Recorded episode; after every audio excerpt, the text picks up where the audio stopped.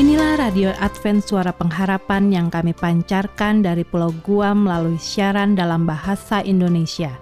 Salam sejahtera kami sampaikan kepada para pendengar kami di mana pun Anda berada. Selamat berjumpa kembali dengan kami, Radio Advent Suara Pengharapan. Dengan senang hati kami akan menemani Anda melalui rangkaian acara yang telah kami persiapkan khusus bagi Anda sekeluarga.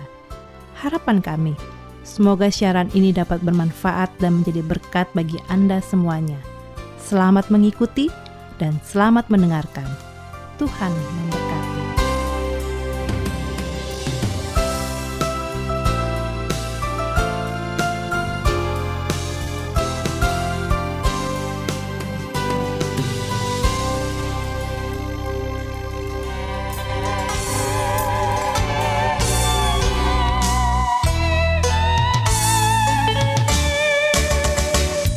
Pendengar Radio Advent Suara Pengharapan yang berbahagia, ruang remaja dan orang muda, kembali kami hadirkan untuk Anda saat ini.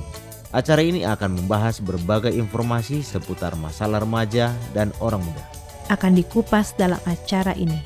Dengan diasuh oleh Kak David Mamora sebagai seorang pendidik yang mengandalkan Tuhan, para remaja dan orang muda akan diajak untuk mau dibentuk menjadi manusia yang berkualitas sesuai kehendak Allah.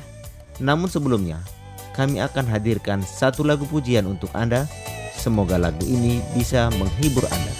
Selamat mendengarkan.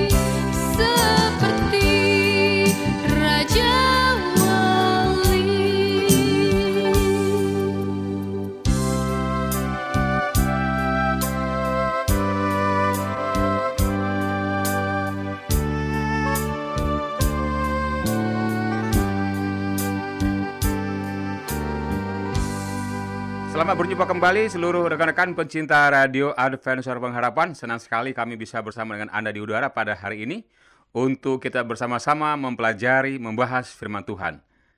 Ayat kita pada hari ini adalah terdapat di dalam Yakobus 3 ayat 16. Seperti demikian. Sebab di mana ada iri hati dan mementingkan diri sendiri, di situ ada kekacauan dan segala macam perbuatan jahat.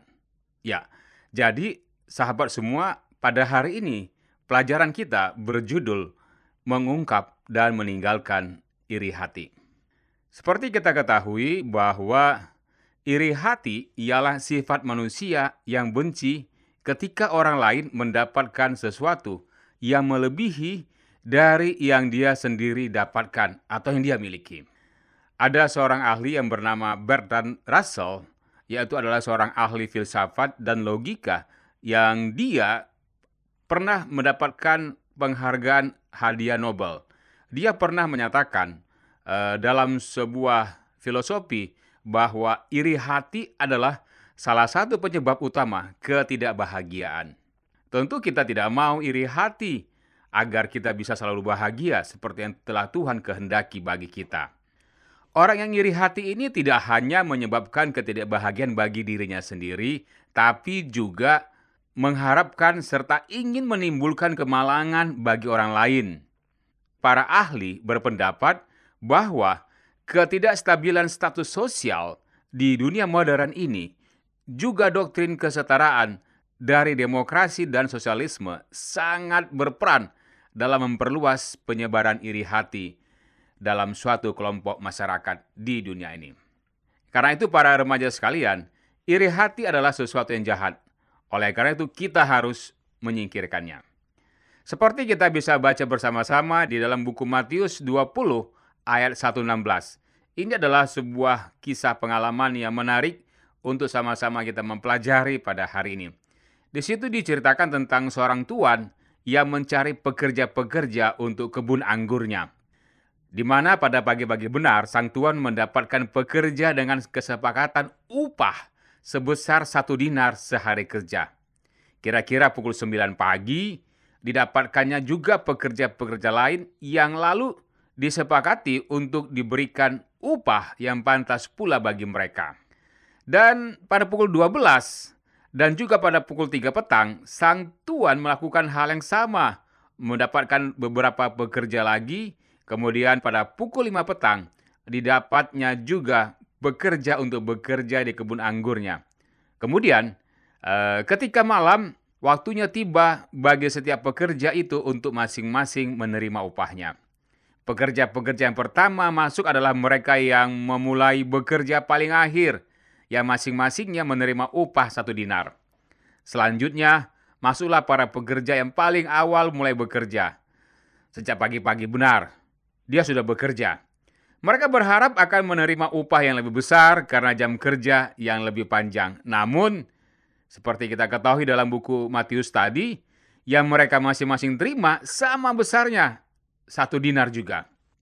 Nah, hal ini membuat mereka bersungut-sungut kepada sang tuan. Lalu sang tuan menjawab mereka, Tidak adilkah aku? Bukankah sudah kita sepakati bahwa upah satu dinar sehari? Tidakkah aku bebas mempergunakan milikku menurut kehendak hatiku? Atau iri hatikah engkau? Remaja dan orang muda sekalian, apakah kamu dan saya pernah iri? Atau pernah sakit hati? Atau pernah kecewa kepada orang lain?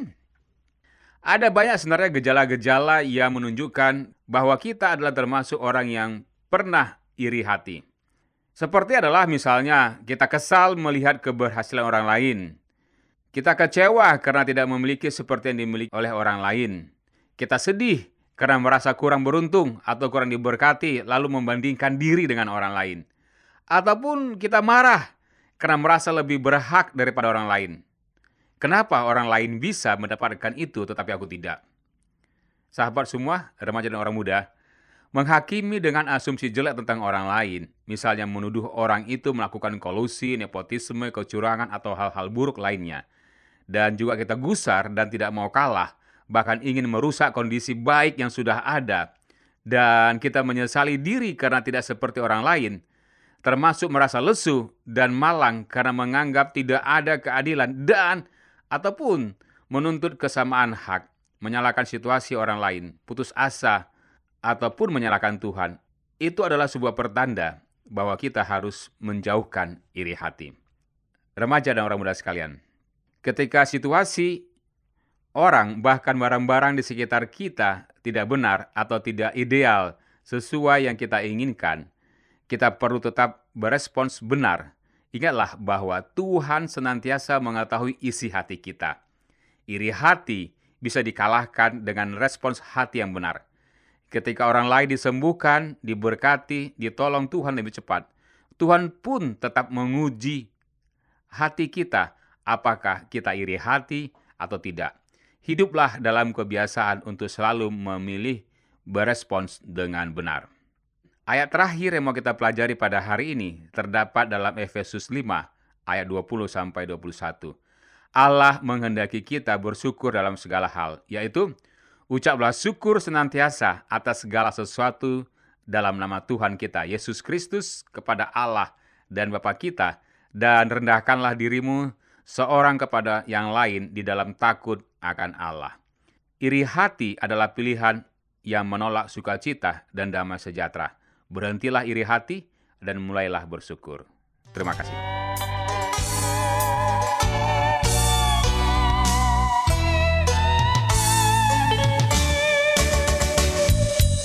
Pendengar Radio Advent Suara Pengharapan yang tetap setia bersama kami, demikian sajian ruang remaja dan orang muda yang sudah kami hadirkan untuk Anda. Kiranya bermanfaat untuk menolong generasi muda menjadi pribadi yang berkualitas sesuai kehendak Allah. Sampai jumpa dalam acara Ruang Remaja dan Orang Muda minggu depan. Tuhan memberkati kita semua. Shalom bagi semua sahabat pendengar. Kabar baik bahwa kisah dan kesaksian terkait siaran dan pelayanan AWR Indonesia kini dapat diikuti secara berkala, baik melalui siaran harian Radio Advent Suara Pengharapan setiap minggu kedua dan keempat, juga melalui YouTube dan Facebook AWR Indonesia.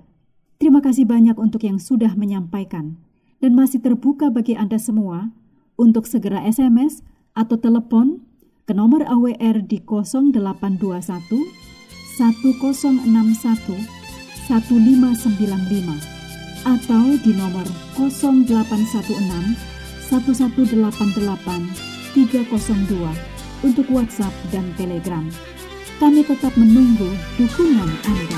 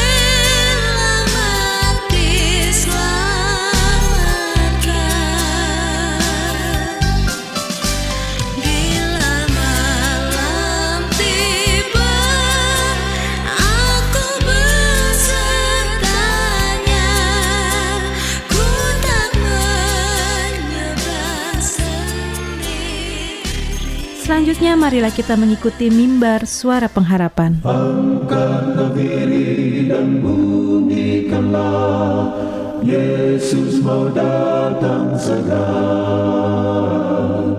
Nyanyi musafir dan pujikanlah Yesus mau datang segera. Datang segera. Inilah Mimbar Suara Pengharapan dengan topik pembahasan Perlunya rendah hati. Selamat mendengarkan. Bangsa marah itu tandanya Yesus mau datang segera Pengetahuan bertambah-tambah Yesus mau datang segera Datang segera Datang segera.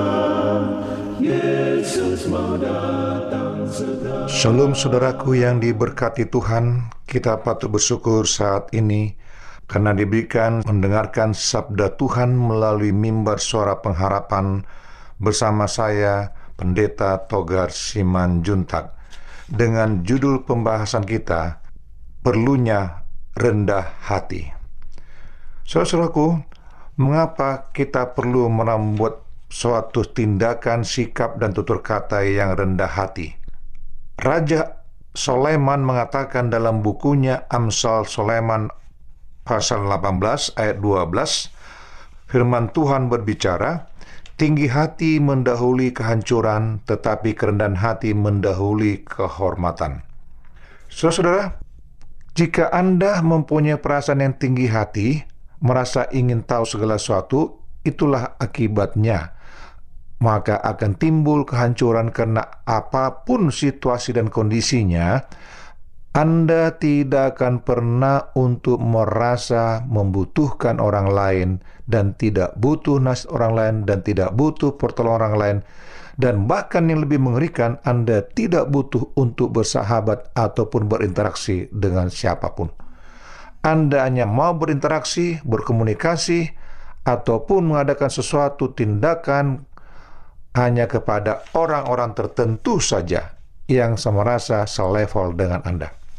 Nah, saudara, Raja Sulaiman mengatakan jika kita merasa tinggi hati, maka segala sesuatu akan mengikut kita itu kehancuran. Tetapi kalau kita mempunyai perasaan roh kerendahan hati, maka kita akan bisa untuk mengerti akan situasi kondisi orang lain dan yang lebih nikmatnya lagi Tuhan akan berbicara dengan kita kita pun bisa menerimanya dengan penuh sukacita. Mungkin Anda pernah mendengar nama Hudson Taylor penginjil terkenal dengan pelayanan di Cina. Suatu ketika diundang sebuah gereja di Melbourne Australia. Lalu pembicara menjelaskan tentang pelayan Hudson Taylor di Cina dengan berbagai pujian atas prestasi-prestasinya. Akhirnya, pembawa acara mengatakan, mari kita memberikan tepuk tangan kita untuk hamba Tuhan yang brilian, Hudson Taylor. Lalu ketika Hudson Taylor maju untuk berkhotbah, beliau mengatakan, saya ini bukan hamba Tuhan yang brilian. Saya hanyalah manusia biasa. Saya hanya melayan Tuhan dan hanya Tuhan saja yang brilian. Hanya Tuhan saja yang punya kemam, apa, kemampuan, kehebatan. Saya hanya mendapatkan sesuatu daripada Tuhan. Saudaraku, di dalam Alkitab ada banyak ayat yang menyebutkan tentang kerendahan hati. Sayangnya, pemahaman tentang kerendahan hati seperti yang Alkitab katakan itu dipersepsikan secara keliru. Akibatnya, antara rendah hati dan rendah diri itu tercampur aduk orang yang rendah hati dan memiliki sikap low profile justru dianggap kurang meyakinkan. Atribut luar seperti memakai handphone mahal, barang bermerek, baju yang luar biasa penampilannya, bisa makan di restoran mewah, dan menikmati akan segala sesuatu bisa mungkin jalan-jalan ke luar negeri. Dianggap suraku itulah yang menunjukkan prestasi ataupun status seseorang itu tinggi di hadapan manusia. Lalu orang akan menjadi yakinkan sehingga segala sesuatu pembicaraan dia pun dianggap oke okay dan bisa untuk meyakinkan orang lain. Padahal hatinya tinggi hati. Dia tidak merasa bahwa itulah daripada Tuhan saja. Memiliki penampilan yang baik meyakinkan memang penting, tetapi itu bukan segalanya yang membuat orang lain yakin untuk bekerja sama dengan kita. Sebenarnya bukan penampilan kita yang meyakinkan, tetapi cara kerja kita, sikap kita yang profesional, dan karakter kita yang bisa dipercaya, dan tutur kata kita yang sopan dan mau menghargai orang lain. Orang akan melihat itu di dalam kehidupan kita, maka kita akan sangat dihargai. Jadi tidak ada kaitannya apakah dengan penampilan seperti orang kaya, maka kita akan lebih mudah menciptakan deal atau keputusan ataupun kerjasama dengan baik dalam bisnis kita kah, dalam komunikasi kita kah, atau dalam hal apa saja yang mungkin kita mengharapkan bisa jadi kenyataan. Jika kita tidak hati-hati, maka segala penampilan luar kita itu akan menjadi blunder. Biaya yang kita keluarkan untuk memoles penampilan sungguh besar, tetapi hasilnya sama sekali tidak sebanding. Adalah baik jika kita miliki kerendahan hati. Kerendahan hati adalah soal sikap. Kerendahan hati membuat kita jadi orang yang mau belajar dan terus belajar dan terus belajar. Kerendahan hati justru membuat kita jadi orang yang menarik. Siapa pun senang berhubungan dengan orang yang rendah hati, bukan orang yang sok. Akhirnya kerendahan hati lain mendahului kehormatan. Nah, saudara-saudara, orang yang rendah hati itu dia akan mau belajar dan dia mau memetik ilmu orang lain.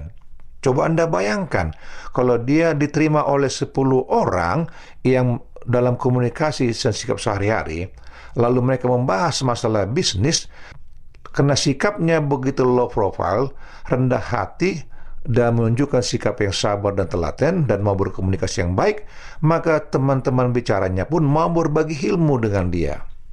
Nah, Sementara dia berbincang-bincang dengan satu orang ke orang lain ada sepuluh orang, maka dia sudah menambah ilmu dalam kehidupannya ada sepuluh. Luar biasa. Dan orang itu pun dengan senang hati membagikan ilmunya, pengalamannya. Karena kita mau belajar dan mau minta dan bukan sombong. Dan kita menambah. Sehingga ilmu kita itu menjadi lebih tinggi daripada orang lain yang kita hadapi dalam bercerita. Tetapi saudaraku jika Anda mempunyai sikap ya mempunyai sikap yang tinggi hati, merasa diri punya kemampuan yang tinggi melebihi orang lain, maka Anda akan disingkirkan oleh orang-orang yang Anda temui. Dan kalaupun mereka mau berkomunikasi dengan Anda, itu hanya formalitas, ya, hanya formalitas. Tidak ada suatu kebutuhan bagi mereka. Alangkah menyedihkan jika Anda sementara berkomunikasi dengan mereka, Anda dijauhkan, Anda di, tidak dipedulikan, hanya formalitas. Sehingga ketika ada hal-hal yang penting untuk membahas sesuatu, ada hal yang penting untuk memberbagi sesuatu, Anda akan diabaikan. Nah, karena dianggap apa? Karena Anda itu dianggap sebagai perusak dalam komunikasi, perusak dalam segala rencana dan apa yang mereka mau lakukan. Nah, untuk saudaraku, jika Anda mau diskusi, mau tukar pikiran masalah bagaimana untuk bersikap rendah hati, dan mau didoakan, hubungilah kami, tim pelayanan mimbar suara pengharapan.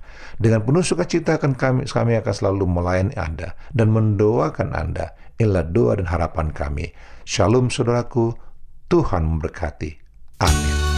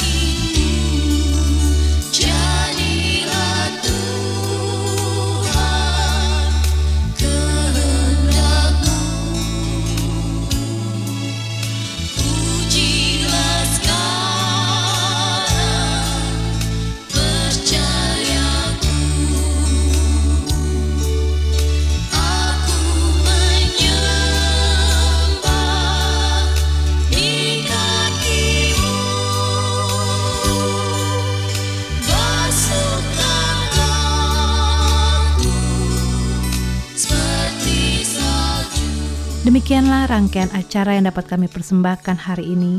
Dan apabila Anda mempunyai pertanyaan atau ingin mendapat pelajaran Alkitab penemuan baru, silakan menghubungi kami dengan cara mengirimkan surat ke alamat Radio Advent Suara Pengharapan, PO Box 8090 Jakarta 12810 Indonesia. Telepon 0821 1061 1595. Alamat email awrindonesia@yahoo.co.id. Anda juga dapat bergabung di Facebook kami, pendengar Radio Advent Suara Pengharapan, juga Radio Advent Suara Pengharapan. Terima kasih kami ucapkan bagi Anda semua pendengar kami yang setia. Kita akan berjumpa kembali pada waktu dan gelombang yang sama esok hari. Salam kasih dan sejahtera. Kiranya Tuhan memberkati kita semua.